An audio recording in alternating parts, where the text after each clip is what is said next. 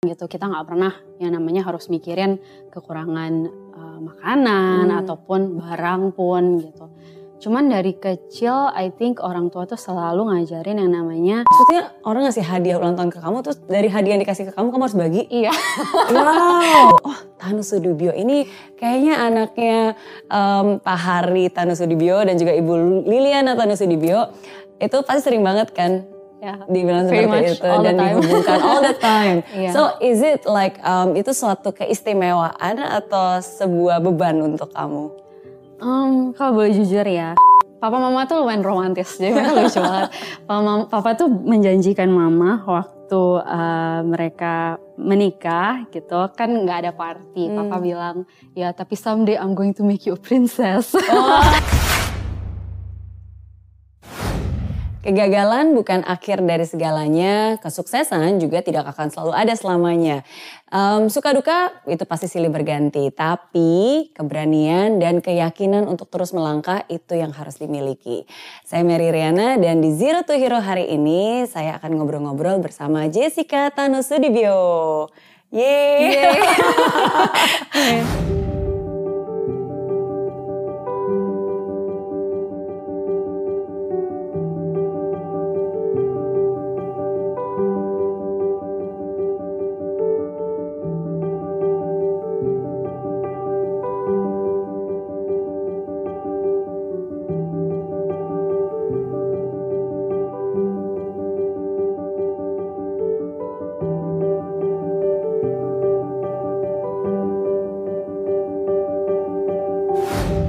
Jessica, Hello. thank you for making the time. Ya, I know you're very busy, tapi uh, mau meluangkan waktu untuk ngobrol-ngobrol. My yes. pleasure. Oke, nah tapi kalau kita berbicara tentang Jessica Tanu Sudibyo, itu pasti sering banget dong orang selalu, oh Tanu Sudibyo ini kayaknya anaknya em, Pak Hari Tanu Sudibyo dan juga Ibu Liliana Tanu Sudibyo. Itu pasti sering banget kan Ya, dibilang pretty seperti much itu all the dan time. dihubungkan all the time. Iya. So is it like um, itu suatu keistimewaan atau sebuah beban untuk kamu? Em, kalau boleh jujur ya, uh, growing up itu itu menjadi suatu beban sih. Hmm. Gitu. Em, mungkin itu actually salah satu alasan kenapa pertama kali pas uh, aku kuliah di luar gitu, uh, senang gitu. Hmm. Soalnya for once people nggak langsung immediately associate aku dengan uh, identitas seperti itu gitu. Hmm. Jadi bisa uh, down low aja gitu. Tapi Uh, if I'm honest, sejak pulang ke Indo gitu, aku baru pulang ke Indo dari living overseas tuh tahun 2018. em, apa yang selama ini aku anggap sebagai beban gitu, aku lebih belajar untuk mensyukurinya. Hmm. Gitu. Karena salah satu hal yang aku lihat adalah ya mungkin yang orang tahu tentang orang tua aku itu, oh ya mereka uh, sukses dalam berbisnis, Hmm. um, dan dalam berkeluarga juga um, gitu. Tapi yang mereka nggak tahu itu bagaimana um, orang tua aku tuh bener-bener uh, really love and care for Hmm. us gitu behind the scenes even gitu. Hmm. Dan I think that's one of my biggest privileges Hmm. um, is to know them in ways that other people don't Hmm. gitu dan aku menyadari juga apa pun yang aku diberikan sebagai kepercayaan dan beban adalah tanggung jawab dan um, sesuatu yang harus aku syukuri lah. Oke, oke. It's a privilege, tapi setiap the bigger the uh, apa uh, semakin besar tanggung jawabnya, semakin besar kepercayaannya semakin besar tanggung jawabnya Yes, yes, juga yes, kan. yes. Oke, but how does it feel? Gimana rasanya uh, dibesarkan di keluarga yang uh, berada dan segalanya pun juga sudah tersedia Hmm. gitu. Tapi mungkin one thing yang aku actually quite grateful for ya orang tua aku tuh uh, mereka nggak pernah yang namanya spoil kita. Um, as much as ya semua disediakan gitu, kita nggak pernah yang namanya harus mikirin kekurangan uh, makanan Hmm. ataupun barang pun gitu.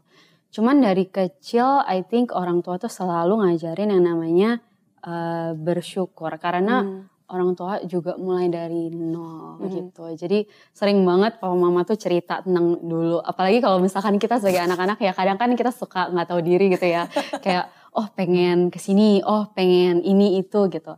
Beberapa kali mama papa bisa ngomong, ah papa mama dulu kayaknya pas subur kalian nggak ada tuh mikirin yang kayak gitu nggak bisa gitu. Um, bahkan salah satu hal yang papa mama pernah cerita juga adalah uh, ketika papa mama uh, married Mhm. gitu, mereka actually they didn't have a party. They didn't have a Really? party. no. Masa sih? Karena uh, yes they were young Mhm. and uh, nggak they didn't wanna spend, you know, Hmm. karena at that time mau save aja. Dan yang lucunya actually uh, papa mama tuh lumayan romantis, jadi mereka lucu banget. Papa, mama- papa tuh menjanjikan mama waktu uh, mereka menikah gitu, kan nggak ada party. Papa Hmm. bilang, ya tapi someday I'm going to make you a princess. Oh. And jadi on their 25th wedding anniversary makanya waktu itu dirayain gitu. Oke. So that was in exchange of uh, pas mereka menikah itu nggak ada party, so 25th wedding anniversary di celebrate Wow. gitu.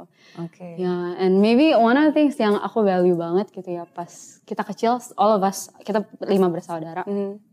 um, kita semua tuh harus uh, merayakan ulang tahun at least sekali di panti asuhan. Oke. Itu diharuskan sama orang Setiap tua. anak. setiap anak. Um, dan to be honest for me uh, kan karena kita berlima jadi at least lima kali Hmm. Lima kali. gitu. Uh, Dari sejak umur berapa? dari kecil gitu. Dari- Jadi kayak ngerasa sih kayak tiap kali Hmm. pergi gitu. Aku ingat dulu kita selalu ke panti asuhan Dorcas. Hmm. Um, dan aku ingat banget ada satu anak dulu di sana yang uh, hydrocephalus. Hmm. Jadi yang ada cairan di otaknya gitu. Jadi dia walaupun udah umur berapa ya waktu itu mungkin enam tahun kali ya. Hmm. Cuman dia benar-benar cuma bisa berbaring di ranjang aja. Dan kita lihat dia bertahun-tahun kan. Jadi kita lihat gitu. Um, dan tiap kali dari panti asuhan tuh selalu pasti papa mama remind kita gitu yang kayak Hmm.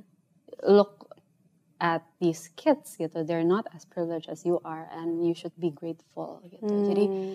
itu salah satu hal yang I think aku sih personally kalau misalkan aku punya anak aku akan terapkan itu sih gitu kayak Yeah. to make sure my kids get to see gitu kalau misalkan apa yang kamu punya apa yang kamu miliki apa yang kamu diberikan itu um, adalah suatu privilege and Hmm. kita harus bisa berbagi uh, Hmm. dan ya itu sih Oke, dan itu ditanamkan dari sejak dari kecil, ya. Iya. Pernah nggak sih em, tanya gitu ke mereka, emang harus ya? Saya udah ngerti, I know that gitu. Maksudnya Hmm. masa harus setiap tahun gitu kan? Mhm. oh nggak setiap tahun by the way uh, gantian Oh, lima anak gantian Oke oke oke oke. Tapi at least maksudnya itu salah satu cara ya. iya, iya. Oke oke. Um, mungkin gimana ya? I think pas kecil mungkin nggak gitu uh, ngerti apa lagi. Dulu ada juga salah satu uh, kebiasaan yang my parents, aku yang umurnya dekat tuh bertiga. Hmm, Aku sama kakak yang kedua sama adik yang keempat. gitu. Oke. Jadi kita umur Clarissa. cuma beda Clarissa, Clarissa sama Valen. Sama Valen. Kita beda cuma uh, setahun sama dua tahun gitu. Oke. Jadi uh, tiap kali kita bertiga ulang tahun, kita tuh harus uh, kalau dapat kado kita harus bagi ke each other. Oh iya. Mm-mm. Soalnya katanya udah kamu kan dapat banyak kado, kamu harus bagi gitu ke yang lain. Ya pas kecil nggak ngerti sih kayak, hah kenapa gitu kan aku yang tahun, kenapa dia yang dapat gitu kan. Cuman I think uh, karena itu diharuskan gitu. Ya sebagai anak-anak ya udahlah nurut-nurut aja walaupun nggak ngerti gitu kan. Cuman itu secara nggak langsung nanam satu value di Oke. uh, all of us juga sih gitu kalau Oke. misalkan ya ultimately gimana ya kayak walaupun pas kecil kayak ah sebenarnya aku pengen banget tuh barang itu gitu tapi kakak aku sekarang yang ambil barang Hmm. itu gitu cuman things are very temporal ya gitu kayak Maksudnya orang ngasih hadiah ulang tahun ke kamu terus dari hadiah yang dikasih ke kamu kamu harus bagi? iya Wow, itu lebih susah Iya. lagi loh rasanya Iya. because it's a It's present to mine. you, right? It's yours.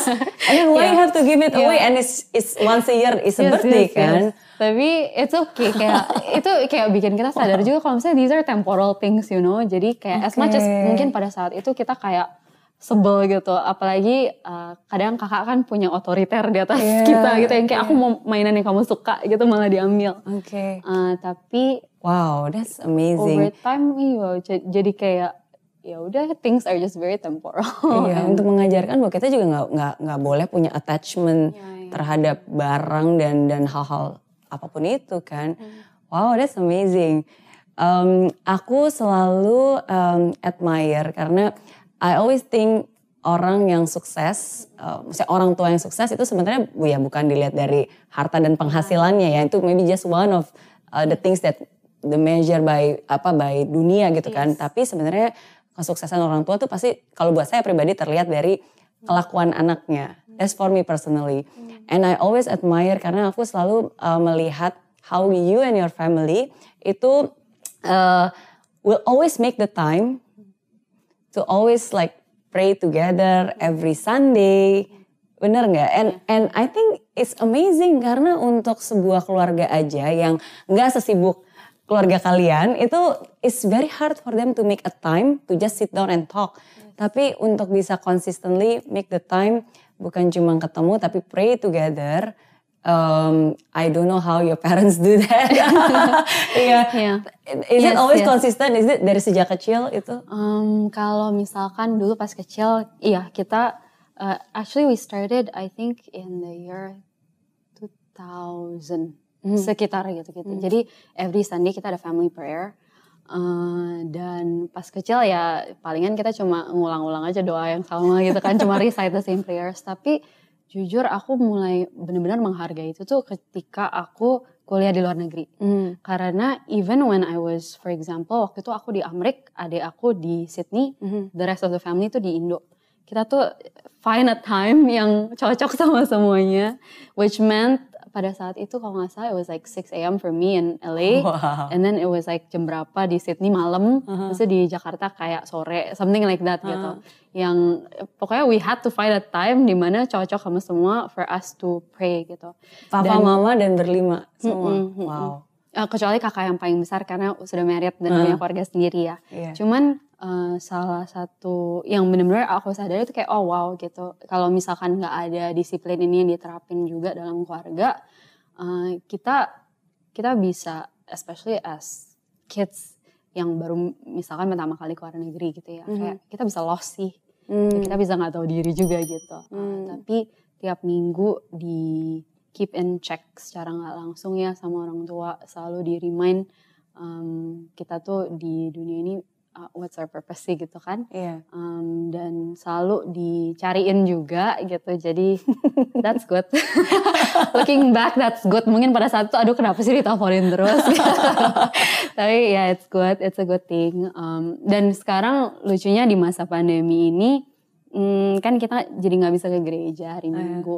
We've been rather than having family prayer doang, kita ada semacam kayak ibadah kecil gitu sendiri sih dalam di rumah gitu di mana ya palingan us in worship and then kayak ada um, bergantian ada yang sharing ini itu. Iya gitu. iya, I saw that oh. di Instagram dan itu amazed loh. Aku aku bahkan cerita ke my husband gila. Maksudnya um, ini bukan hanya kayak ibadah aja tapi hmm. every one of you is preparing kan. Hmm. Ada yang prepare uh, lagu, ada yang prepare renungan, bahkan yeah. your dad juga memprepare kayak apa yeah. uh, papa papa storal iya. something like that iya, yeah, oh my gosh I'm so weird I ya kita bikin papa storal message saya yeah. biasa kan kalau di gereja ada kayak pastoral message uh. gitu kan jadi ini hmm, kan papa sebagai imam keluarga gitu kan betul, sebagai head of the family jadi papa storal message but yeah. that's amazing itu something yang at, at least for for me kalau aku ngelihat itu itu kesuksesan hmm. yang sesungguhnya sih maksudnya hmm. I wish one day I can have that kind of like bonding and hmm. closeness and openness with with my kids gitu and mm. and my grandkids gitu kan one day gitu. Tapi yeah. uh, saya yakin itu bukan satu hal yang di dibentuk sekali aja karena mm. kalau anak-anak sih mungkin gampang ya disuruhnya ya. Mm. Tapi kan ketika semua orang udah beranjak dewasa, yeah. udah remaja, and then kayak uh, papa mama kan juga mm. sibuk banget mm. buat mereka meluangkan waktu setiap yeah. minggu itu is a commitment. Yes, yes, for sure. Dan mungkin ya kita semua individually gitu semua dari aku my sisters my hmm. brother gitu kita semua very different individual sih sebenarnya gitu ada yang lebih uh, mungkin kamera nggak percaya tapi aku actually yang lebih pendiam di hmm. keluarga habis gitu ada yang lebih outgoing things yeah. like that gitu cuman yang uh, aku beneran I do believe in the power of prayer sih and especially uh, a par like parents prayer gitu hmm. soalnya um, walaupun kita semua ada masa-masanya lah, ada ada masa teenage angst atau apa gitu, pasti Mm. adalah semuanya gitu kan. Cuman dan ada masa di mana kita mau maunya tuh menjauh dari keluarga gitu. Cuman Oh ya? uh, ada dong. Like Ada dong, teenager. Teenager? Oh ya. teenager. So ini always ya, maksudnya di, di semua di semua keluarga, Iya. mau keluarga biasa, mau keluarga kaya raya, mau ya, keluarga, ya, ya. it's always feel like that gitu. Ya, ya, Oke. gitu. Kayak I think particularly sebagai teenagers pada saat itu gitu, kita semua kan ada keinginan untuk mencari jati diri gitu Iya, kan iya. ya. Jadi mungkin pada saat itu ada masa di mana kita kayak coba distance ourselves dari Hmm. keluarga gitu. Tapi um, one of the things yang I'm very grateful for is I have a praying family gitu. I have praying parents. Jadi no matter how far gitu, selalu ya walaupun pasti pasti di setiap keluarga ada perselisihan paham kan. Cuman uh, they always pray for us gitu and somehow in God's own way gitu. Kayak we all just come back. And I think particularly sekarang di masa pandemi ini gitu. And with the um, we call it house church that we've been doing gitu. It's just been such a huge um, blessing gitu sih for us to see kalau misalkan kita semua benar-benar God's been so kind to each and every one of us. And we've all I guess been bonded in a way that we otherwise would not have um, before. So It's a blessing. Ya, ya, ya, ya. It's, a blessing, it's a betul. blessing. And it's a privilege sih sebenarnya menurut saya kalau dari ceritanya Jessica, a privilege to be in your family Mm. bukan karena selalu apa ya uh, bisa memenuhi segala macam kebutuhan, Mm. tapi like the kind of support, love, Mm. and uh, how mereka mengeducate dan Mm. Mendidik kamu dari sejak kecil itu is amazing. For the first time in my life, pada saat aku mulai males-malesan banget ke kampus itu bener-bener nggak niat sama sekali.